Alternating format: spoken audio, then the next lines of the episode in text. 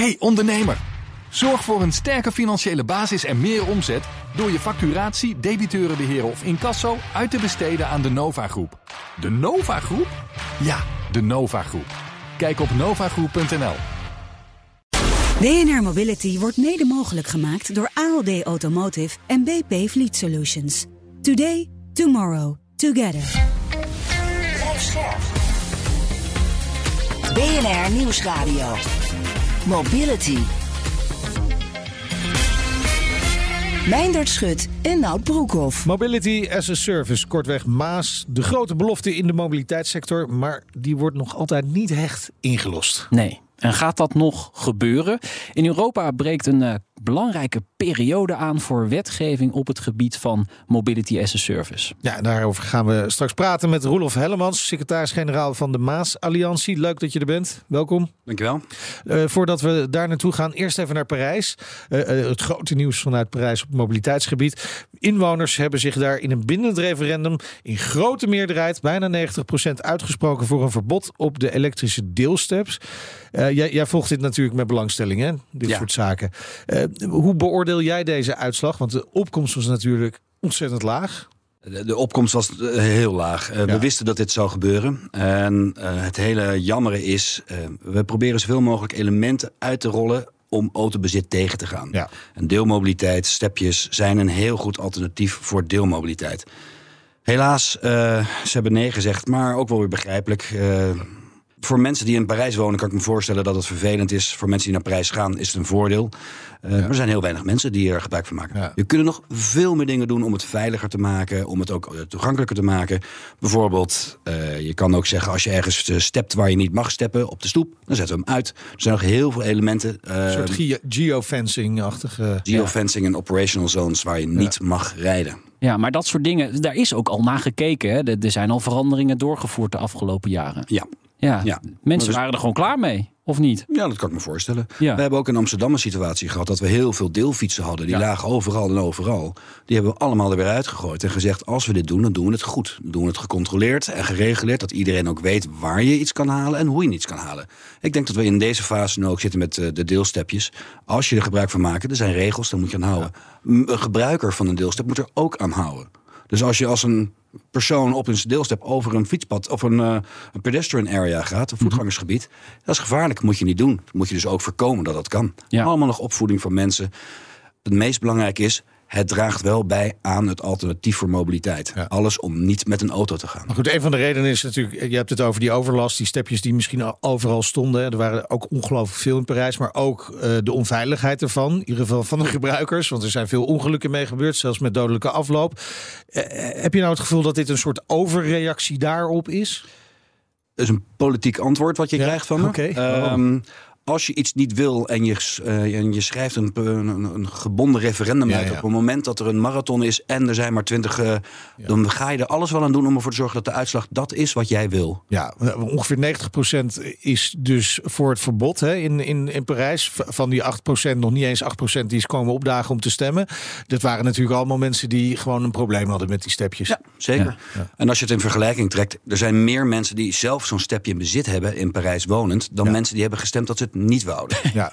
Ja, Eigenlijk en- is het een farce als je, dit zo, als je dit zo want, hoort. want die mensen Ja. mogen wel gewoon op dat stepje blijven rijden, hè, voor de Ja. duidelijkheid. Ja, het gaat alleen om de deelsteps waar veel toeristen gebruik De van maken. verhuur van deelsteps, die wordt aan banden gelegd. Maar denk jij dat deze uitslag gevolgen gaat hebben voor andere Europese steden? beleidsmatige gevolgen om zeker te weten dat de deelstepjes veiliger zijn en dat ze overzichtelijker zijn in het openbare ruimte. Dus ja, we zijn een beetje bang dat er een waterbedeffect gaat komen, maar we moeten het goed Ook uitleggen. qua regelgeving? Nou, de regelgeving moet beter. Gebruikers moeten ook weten wat ze niet mogen doen. Het is niet een, een, een, een speelgoed waar je heel hard uh, over de stoep mee kan scheuren. Nee. Dat gebeurt wel. Dus daar moeten we voor zorgen dat het of niet kan, of dat als het wel gebeurt, dat je er ook uh, gereguleerd op wordt. Ja. En dat gebeurt steeds meer. Ja, bij ons mogen die e-steps nog helemaal niet de weg op. Dus, Nee. dus implementatie is misschien nu nog wel verder weg als zo'n stad als Parijs ook zegt van nou, dit Klopt. willen we niet. Ja. Dat klopt. Ja. We praten zo eh, verder met je. BNR Mobility. Een groot deel van de bewoners van stedelijke en landelijke gebieden in Nederland ervaren in hun beleving amper problemen met bereikbaarheid. Dat concludeert het Kennisinstituut voor Mobiliteitsbeleid, KIM, na onderzoek. Henk Stipdonk is directeur van het KIM. er wordt vaak gesproken over de kloof tussen de stad en het platteland. Hè? Ook als het gaat om mobiliteit. Maar, maar die kloof wordt dus blijkbaar niet zo danig ervaren. Die kloof is er natuurlijk wel. Er zijn allerlei manieren waarop je dat uh, kan zien. We zien, om te beginnen zien we Nederland groeit, de bevolking neemt toe. En dat gebeurt vooral in de grote steden. Dus we zien de steden extra hard groeien. En we zien in de uh, buitengewesten, in de ommelanden, uh, hoe je het noemen wilt, zien we juist uh, vaker regio's met krimp. En de problemen die daardoor ontstaan zijn natuurlijk ook verschillend. In de stad zien, zien, zien mensen de fietspaden en de bussen en de trams steeds voller worden. Daar ja, wordt ook wel over geklaagd. Zeker. Ja. ze kunnen misschien hun auto slechter kwijt. in de regio heb je heel andere problemen. Namelijk, um, het wordt daar steeds minder vol. Dus uh, sommige winkels sluiten. Uh, misschien wordt er af en toe eens een school opgeheven. Hartstikke vervelend. En buslijnen zijn niet meer rendabel. Dan gaat het misschien ook de, de, langzaam de verkeerde kant op. Dus ook daar zijn problemen. Maar ze zijn heel verschillend. En als je mensen vraagt. Uh, hoe tevreden ben je over je bereikbaarheid? Over, nou, kun je de activiteiten die je wilt doen nog wel bereiken? kun je je leven inrichten zoals je het wilt? Ben je tevreden over die bereikbaarheid? Dan zeggen mensen in, ja, geven mensen in de, in, in de regio bereikbaarheid een 8,5. En in de stad eigenlijk ook. Dat 6 uit 7 krijgen we als, als nou, Dat is een hele ja. mooie voldoende. Ja, mooi. Hoog cijfer. Maar die, hebben die mensen dan niet gewoon genoegen genomen met het feit dat het slecht bereikbaarder is op het, op het platteland? Ja, dat zou heel goed kunnen. Of ze hebben allemaal wat, ze hebben wat vaker een auto die ze ook ja. makkelijker kwijt kunnen. Uh, en zeker kan je niet uitsluiten dat mensen uh, er ofwel zelfs voor gekozen hebben. Ik wil graag wat, uh, wat rustiger wonen en ik neem voor lief dat ik wat minder goed overal naartoe kan. Dus, uh, en, en het kan ook zijn, ja, men is eraan gewend. Die bus die rijdt nu helemaal niet. Dus ik, ik moet, uh, als ik 18 word, moet ik als de bliksem een rijbewijs halen. Precies, dan vind je Want anders dan kom ik nergens. Ja, precies. Ja. Maar wat, ja, wat ja. betekent dit nou? Hè? Want het is best een hoog cijfer, een 8,5. Hoeven we ons eigenlijk gewoon minder druk te maken over de bereikbaarheid, zowel in de steden als buiten de steden? Nou, kijk, de mensen die echt ontevreden zijn, dat is nog altijd, uh, even naar gekeken, dat is nog altijd zo'n uh, zo'n zo 5% van de populatie, 5, 6, 7%. Het is gewoon nog altijd een miljoen mensen in Nederland ontevreden over de bereikbaarheid. Ja. En de helft daarvan woont in de periferie, de andere helft woont in de stad. Je kan niet zeggen, daar doe ik maar niks aan. Uh, maar het is, een, uh, het is een kleine groep, maar het is wel een groep waar je op moet letten. Je bereikbaarheidsbeleid gaat natuurlijk niet over de mensen die, die, het, die het goed hebben en die niet klagen. Maar dat gaat over de mensen van wie je zegt, ja, dan moet ik toch zorgen dat, dat die nog hun uh, school kunnen bereiken of hun werk kunnen bereiken. Die dus maar afhankelijk zijn van de bus voor je uh, rit naar het werk.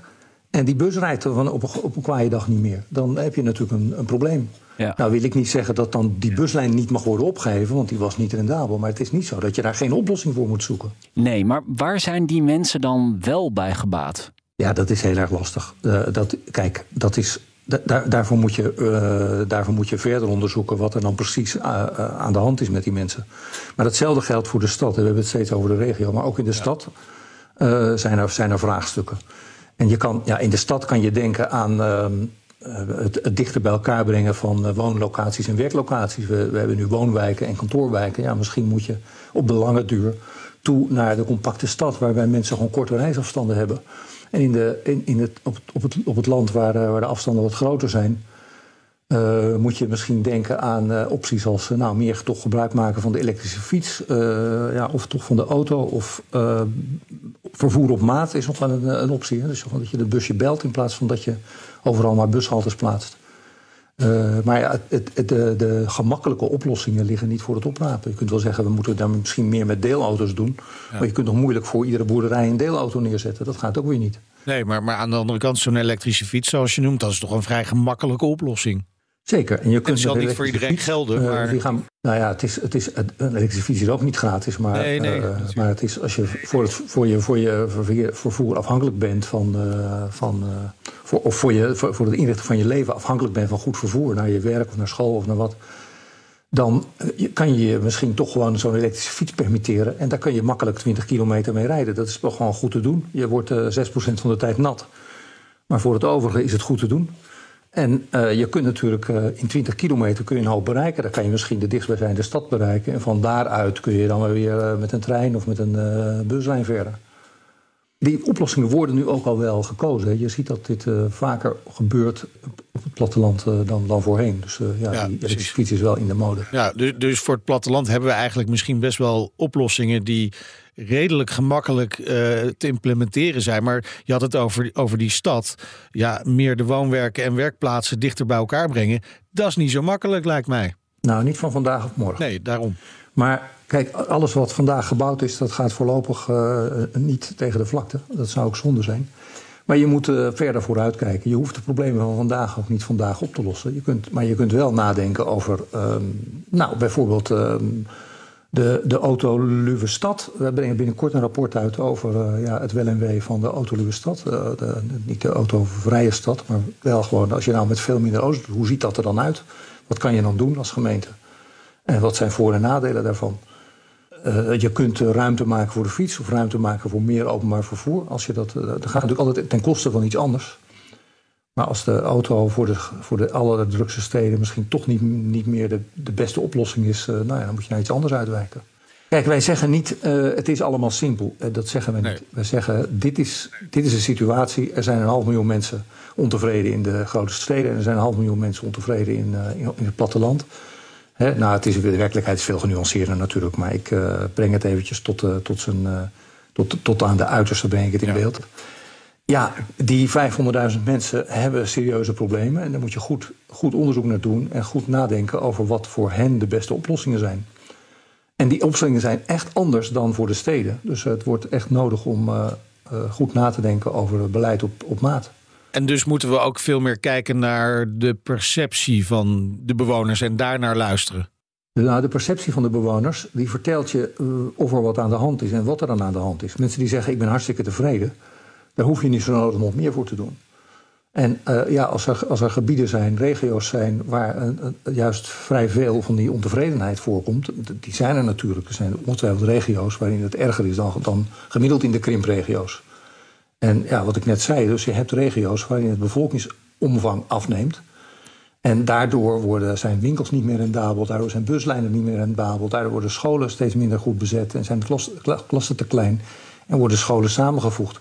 Ja, als je in zo'n regio woont, is het natuurlijk ingewikkeld om uh, maar gewoon tevreden te blijven. En als je dan naar de middelbare school moet, ja, dan, uh, ja. Die, en die MAVO uh, in, de, in het dorp is net opgegeven, ja, dan moet je naar het volgende dorp. Dat is natuurlijk helemaal niet leuk. Maar je kunt ook niet zeggen, we laten de scholen maar, we laten de scholen maar allemaal in leven. Hè? Met schooltjes met, met, met 40 leerlingen is ook niet zo handig. Nee, precies. Dus ja, je moet dat, uh, je moet dat samen zien. Dus mobiliteit en, en onderwijs en zorg, al die onderwerpen die komen in feite bij elkaar op beleidsgebied. Een integrale blik. Dank Henk Stipdonk, directeur van het Kennisinstituut voor Mobiliteitsbeleid. Een linkje naar het onderzoek vind je straks natuurlijk op onze website bnr.nl/slash mobility. BNR Mobility. Zometeen gaan we je helemaal bijpraten over de ontwikkelingen op het gebied van Mobility as a Service, MAAS. Maar voordat we dat gaan doen, eerst even aandacht voor een boodschap van een van onze partners. In januari 2024 gaat de normerende regeling werkgebonden personenmobiliteit in. Werkgevers zijn dan verplicht om de zakelijk gereden kilometers van hun medewerkers en de daaraan gekoppelde CO2-uitstoot te registreren. Een flinke administratieve klus. De mobility-app ALD Move kan uitkomst bieden. Op fd.nl/slash partner slash ALD Automotive lees je hoe. BNR Mobility. En wij gaan door met Roelof Hellemans, secretaris-generaal van de Maas Alliance. Alliantie, Maas Alliance. Een uh, Europees, ja, sorry hoor. Europees samenwerkingsverband voor Mobility as a Service. Uh, dus het mag best wel een Alliance heten natuurlijk. Wie zijn er allemaal in verenigd? Private en publieke partijen, organisaties, uh, wereldwijd inderdaad. Ja. Dus het is uh, Alliance. En wij zorgen ervoor dat uh, al deze private en publieke partijen uh, begrijpen wat Maas is. Begrijpen wat Maas kan. En wij informeren zo goed mogelijk privaat en publiek om de juiste richting op te gaan. En dat zetten wij om in, in daadwerkelijke activiteiten, projecten, zodat we het ook kunnen gaan zien. Jij, jij bent wel meerdere keren ook gevraagd voor die functie, hè, om leiding te geven aan die alliantie. Maar waar, waarom heb je uiteindelijk toch ja gezegd? Want de eerste keren heb je dat niet gedaan. De eerste keer had ik een heel leuk ander project. Uh, toen vond ik het nog iets te vroeg. Uh, de tweede keer vond ik mezelf nog niet in de positie dat ik dacht, dat moet ik nu gaan doen. Okay. En de derde keer kon ik geen nee meer zeggen. En toen moest ik ook echt wel... Uh... En als je iets wil betekenen op het gebied van Maas, dan moet je het ook echt doen. En er is maar één plek wat ik vind waar ik de meeste invloed kon uitoefenen. En dat was Secretary-General of the Maas Alliance. Dus toen was ik klaar. Toen wou ik ook voor met volle overgave zijn we eraan Ja. begonnen. Maar waarom denk je dat je inderdaad eh, hier in deze functie wel een, een, een deuk in een pakje boter kunt eh, eh, slaan? Want tot nu toe is Maas natuurlijk wel een enorme belofte. We hebben het al jaren over. Maar echt van de grond komen wil het nog niet. Nee, nou, dat is precies de reden waarom ik dit ben gaan doen. Ehm, hoe kunnen we ervoor zorgen dat we het wel van de grond krijgen? Waarom komt het niet van de grond? Ja. De, de, de verwachtingen zijn super hoog. En we zien ook steeds meer dat vanuit een beleidsmatige kant de verwachtingen niet worden ingevuld, maar ook het, eh, het spectrum waardoor je het wel kan invullen er niet is. Dus we proberen nu echt vanuit de Europese Commissie, vanuit alle eh, ministeries door te duwen van jongens. Als je straks eh, bereikbaarheid wil beïnvloeden, leefbaarheid wil vergroten, maar ook alle mensen recht wil geven op vervoer, op, op, op mobiliteit, dan moet je daar nu ook aan mee gaan werken. Eh, en dat zien we nu. Dus we zijn nu ook echt in een situatie waar we eh, met de Europese Commissie praten over wat hebben we nodig om het voor elkaar te krijgen. Ja. En hoe groot is dan het potentieel? Want eigenlijk wat Maas doet is alles aan elkaar koppelen. Op een gedigitaliseerde manier. Ja. Even 100 jaar terug in de tijd. Maas is niks anders dan vervoer. En we zullen dit altijd blijven doen. We deden 100 jaar geleden deden we het al. Nu noemen we het Maas. Straks noemen we het Urban Development. En dat gaat gewoon door. Dat is een, een beetje een modeterm. Eh, en, en, en het woord Maas is natuurlijk. eh, het, eh, het hangt een beetje om de nek van die hoge verwachtingen. Ja. Wat niet erg is. Maar we krijgen het nog niet voor elkaar. Waar we nu heel erg mee bezig zijn, is hoe kunnen we urban mobility inregelen en hoe kunnen we zo adviseren dat je het wel voor elkaar krijgt. Eh voorbeeld hiervan is, eh, eh, oké, we hebben 30 landen in Europa. Is het nou mogelijk om de data uit te wisselen zodat we straks inderdaad van land A naar land B kunnen reizen? Als dat nog niet gebeurt, ja, dat is een keuze die we maken. Die keuze hebben we dus nog niet gemaakt. Wat hebben we daarvoor nodig? Of hoe kunnen we ervoor zorgen dat als je één, in één land één reservering doet voor een reis, dat je dan niet drie keer hoeft af te rekenen, maar één keer hoeft af te rekenen. Nou, die keuze hebben we nog niet gemaakt. Ja, en nu zeg ik dat tussen landen. Hè? Want in Nederland is dat al een probleem om gewoon alleen in Nederland te betalen voor het een en het ander en dan over te stappen. Ja. Alleen in Nederland is al een uitdaging. Ja. Laat staan buiten Nederland. Ja, maar dan is jouw uitdaging toch bijna niet te bevatten. Dat, dat kun je toch bijna niet eh, stroomlijnen allemaal? Welkom in de wonderenwereld van de Europese Commissie. Ja, dat klopt. En ja, daar hebben we eh, eh, geduld voor nodig. Eh, dus de, de, de macht van het herhalen, de kracht van het herhalen. eh, hoe vaak we kunnen aangeven, jongens, we doen dit niet omdat we het leuk vinden. We doen dit omdat we iets willen bereiken. En dat bereiken in Europa heet het de Green Deal. Eh, de Green Deal houdt echt in, hoe kunnen we mensen beter informeren om een juiste, bewuste Ja. keuze te maken. Een bewuste keuze betekent niet heel snel. Een bewuste keuze betekent of groen, of snel, of goedkoop. Dat is een eerste stap. Dus wij werken echt mee met de Europese Commissie en daarmee ook met alle landen in Europa. En, en daarmee eigenlijk ook een, het, het ecosysteem wat we eh, voor ogen hebben om dat te realiseren. Eh, stap 1, uitwisselen van informatie. Ja. Stap 2, maak het zo makkelijk mogelijk. Maar dat is altijd het lastige, hè? het uitwisselen van informatie. Want iedereen eh, die denkt, ja, dat data, die, die informatie die ik heb, dat is mijn goud. Ja. Daar eh, wil ik op zitten. En ik wil vooral niet dat de concurrent dat in handen krijgt. Dus eh, het is ook een kwestie van dat partijen over hun eigen schaduw gaan heen stappen. Hoe ga je dat voor elkaar krijgen? Neem het voorbeeld Parijs. Als we, Ja. toch, eh, eh, als we daar eh, honderden stepjes hebben die niks loopt te doen, is er niemand gelukkig mee. Parijs spreekt zich heel duidelijk uit. Daar zijn wij ook niet gelukkig mee. Nee. De leveranciers zijn er ook niet gelukkig mee dat die stepjes en niet gebruikt worden en eh, in een hoek liggen te verpieteren.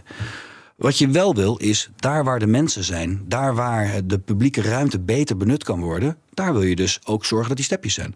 Er is een raakvlak, een win-win, vreselijk, maar er is een manier waarop je de openbare ruimte beter kan aansturen om vraag en aanbod met elkaar te matchen. Om publiek en privaat met elkaar in gesprek te gaan. Om ervoor te zorgen dat zij een goede business model hebben, maar dat de publieke ruimte, de openbare ruimte, ook beter wordt benut en beter wordt aangestuurd.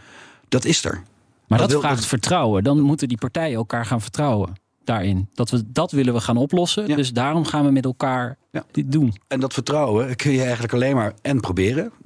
Dat zien we nu, dat werkt nog niet helemaal. Maar ook een tweede is het data uitwisselen. Eh, daar hebben we ontzettend veel discussie over van wie is de data. Ja. Nou, daar hebben we nu een stap in gezet. De data is van de gebruiker. Dus de gebruiker zelf is, heeft controle en regie over waar hij zaken doet, met wie hij zaken doet. En dat creëert ook de mogelijkheid dat je straks als gebruiker zelf kan bepalen met wie ik wat wil doen. Dus dat is het niet meer de, de data van een, eh, een provider, een operator, maar van jezelf. Ja, En dat, dat, dat haalt een angel uit de discussie. ja, maar jij, jij houdt dit samenwerkingsverband nu gaande. Zijn die partijen ook al nader tot elkaar aan het komen? Gaan er straks projecten komen waarin ze samen gaan werken en dat het gewoon gaat lukken? Stilte. Nou, Stel je nou eens voor dat hij nee zou zeggen. Dan zouden we wel een probleem hebben. Ja, Rolf Ja. is wel eerlijk. Dus, eh, ja, het gaat lukken. Ja, zeker. De vraag is welke stad het eerste echt gaat lukken en wat we nog moeten doen om het eh, voor elkaar te krijgen. En dat, dat is een, de tools die een, een overheid kan hebben en kan nemen om aan die knop te draaien, zodat ze direct invloed hebben over welke mensen waar naartoe kunnen. Die tools, die zijn we nu voor ze aan het maken. Ze is in deze de overheid. Ja. Lokaal, nationaal en Europees. Al die knoppen die willen we met elkaar combineren, zodat je op één knop kan draaien en ook weet dit heeft effect of dit heeft geen effect. Daarmee help je dus ook de private partijen. Eh, een andere tool die we willen introduceren, waar we ook heel lang al over in discussies zijn, zijn de mobiliteitsbudgetten. Hoe kan ik jou als individu een budget geven die jij kan gebruiken om mobiliteit af te nemen? Waarmee ik dus ook kan aangeven, beste werkgever, beste eh, stad of eh, ik geef een budget voor mijn klant, voor mijn werknemer, die dan kan reizen. Maar dat hoeft dus niet zo te zijn dat hij een eigen auto heeft. Nee. Dus daarmee ga je al veel directer invloed uitoefenen over jouw bereikbaarheid en jouw leefbaarheid. Ehm, in binnen Europa zijn er de zero. ehm, eh, dat zijn, er zijn 40 steden die daar de, de, de nul uitstoot willen. Ja. Dus die zijn er al heel erg voor door aan het duwen van hoeveel, hoe snel kunnen we dit realiseren. Eh, binnen Europa hebben we de grotere steden waar we ook allemaal in gesprek zijn van wat heb je nodig om dit voor elkaar te krijgen? En de tools hebben we. Ja. Waarom doen we het niet? ja, maar gaan we dit dan toch weer op lokaal niveau doen? Of komt er gewoon straks een Europese app waar we gewoon van deur tot deur mee kunnen reizen? Er komt geen app. Oh, Ik zal eh, gelijk de, de, ben weer te enthousiast. Ja, nee, er komt een platform waar alle apps aan kunnen sluiten. Zodat Oh, ja. je ook alle eh, informatie over de landen, dat die gelijk is. Dus of jij nou vanuit la- Nederland naar België rijdt, maakt niet uit. Als je die ene reservering doet, is het platform daar waar je de informatie ophaalt. En dan heb je daar ook de, de, de juistheid. Dat wordt de Mobility Data Space. En daarin staan al deze informatie, dat je dat voor elkaar kan krijgen. Interoperability is het toverwoord. Eh, interoperability between eh, de operators. Dus tussen alle mobiliteitaanbieders. Eh, dat is ook publiek vervoer. Dat zal er ook een onderdeel van worden. Dat is het belangrijkste onderdeel. Eh, maar ook de long distance, dus de aviation en de rail, die zullen we ook aansluiten. Alles om jou de juiste informatie te geven dat jij een keuze kan maken over hoe jij wil reizen. En dat moet over meerdere eh, landen, anders hebben we niet het effect dat we willen om die Green Deal te halen. Is dit dan ook onderdeel van die, van die eh, belangrijke Europese eh, regelgeving voor Mobility as a Service die er aan zit te komen als het goed is deze zomer? Ja, dit is de Multimodal Digital Mobility Services. Dat gaat echt alles over hoe we de services die we willen aanbieden aan eindgebruikers, hoe we dat met elkaar afstemmen. En dan moet je inderdaad denken over welke informatie wissel ik uit. En hoe wissel ik dat uit en waar wissel ik dat uit en wie is daar eigenaar van. Maar ook hoe gaan we betalen, hoe gaan we eh, informatie voorzien. Ehm, eh, dit framework van een, een, een heel veel eh, kleine elementen die allemaal van belang zijn voor private en publieke partijen, die zijn we nu aan het uitrollen binnen alle landen om daar de stemming voor te gaan krijgen en de handjes voor elkaar op elkaar te gaan Ja. krijgen. Die is spannend. Dus je bent aan het lobbyen. Ik ben met zoveel mensen eh, aan het praten Ja. om aan te geven dat dit van groot belang is voor Ja. de toekomst. Ja. Ja, gaat het de goede kant op? Als je het aan mij vraagt, niet. Eh, ik vind dat we nog steeds een stretch hebben dat we verder kunnen gaan en dat er nog meer mogelijk is. En dan moet ik even iets meer zeggen. Ik vind het belangrijk dat wij de toekomst van onze kinderen eh, veiligstellen. Dus wat we nu meer kunnen doen is alleen maar meegenomen. En dat ga- het gaat mij nog niet ver genoeg. Dat is mijn ongeduldigheid. Eh, maar wat er nu ligt, eh, dat is voor Europa echt al Ja. aanzienlijk. Echt een, een- paar grote stappen vooruit. Oké. En dat komt dus deze zomer, die regelgeving. Wat, wat betekent dat voor eh, ons als consument of als reiziger concreet dan straks? Hè? Wat, wat, wat gaat dit voor ons betekenen? Dat je één ticket kan boeken voor Ja. meerdere eh, mobility providers. Dus als jij in een trein stapt, heb je daar één eh, ticket voor nodig. En dan kan je straks met de trein, de deelauto, shared mobility, kan je allemaal op één manier afrekenen. Dus dat is een uniforme manier van, eh, eh, van ticketing. Betalen. Ja. Nee, want betalen is een tweede. Je krijgt straks ook één interface dat je één keer kan betalen voor al die reizen. Oké. Dus dan hoef je dat hele, hele getoestandje niet meer eh, te hebben. Eh andere element is de data-uitwisseling, zodat je de juiste informatie krijgt. Interoperable, dus dat je dus over de landen heen gaat. Eh, het- het meest makkelijke wat we hier ook. Wat, we, wat ik kan vertellen over is, eh, iedereen heeft Google Maps op zijn telefoon. En wat we straks zullen zien is dat Google Maps nog steeds de drager wordt van de informatie. Alleen de informatie, die komt vanuit de landen, vanuit de operators. En daar staat gewoon, eh, als je nu daar bent, dan kun je deze, deze of deze reserveren voor dit, dit, dit bedrag. Wil je dat? En daar gaat het om. Dan hebben we een interoperable mobility services die je makkelijk kan gebruiken als eindgebruiker. Boeken en reserveren. en hartelijk dank. En hou ons vooral op de hoogte van de ontwikkelingen. Dank Roelof Hellemans, secretaris-generaal van de Maas Alliance. Interessant hoor. Ja, Ja, dit was BNR Mobility. Terugluisteren kan via de site, de app, Apple Podcast of Spotify. Ja, vergeet je vooral niet te abonneren. Heb je nieuws of andere verhalen? Mail dan naar mobility.bnr.nl. Ik ben Nout Broekhoff. Ik ben Meijnerd Schut. Ja, tot volgende week. Want op tweede paasdag zijn we er gewoon.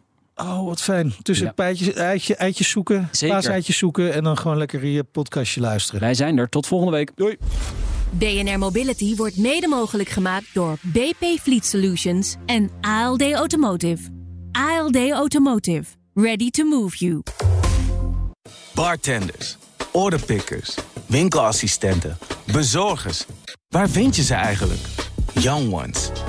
Waar boek je ze binnen vijf minuten? Young Ones. En waar... Hey ondernemer, zorg voor een sterke financiële basis en meer omzet door je facturatie, debiteurenbeheer of incasso uit te besteden aan de Nova Groep. De Nova Groep? Ja, de Nova Groep. Kijk op novagroep.nl.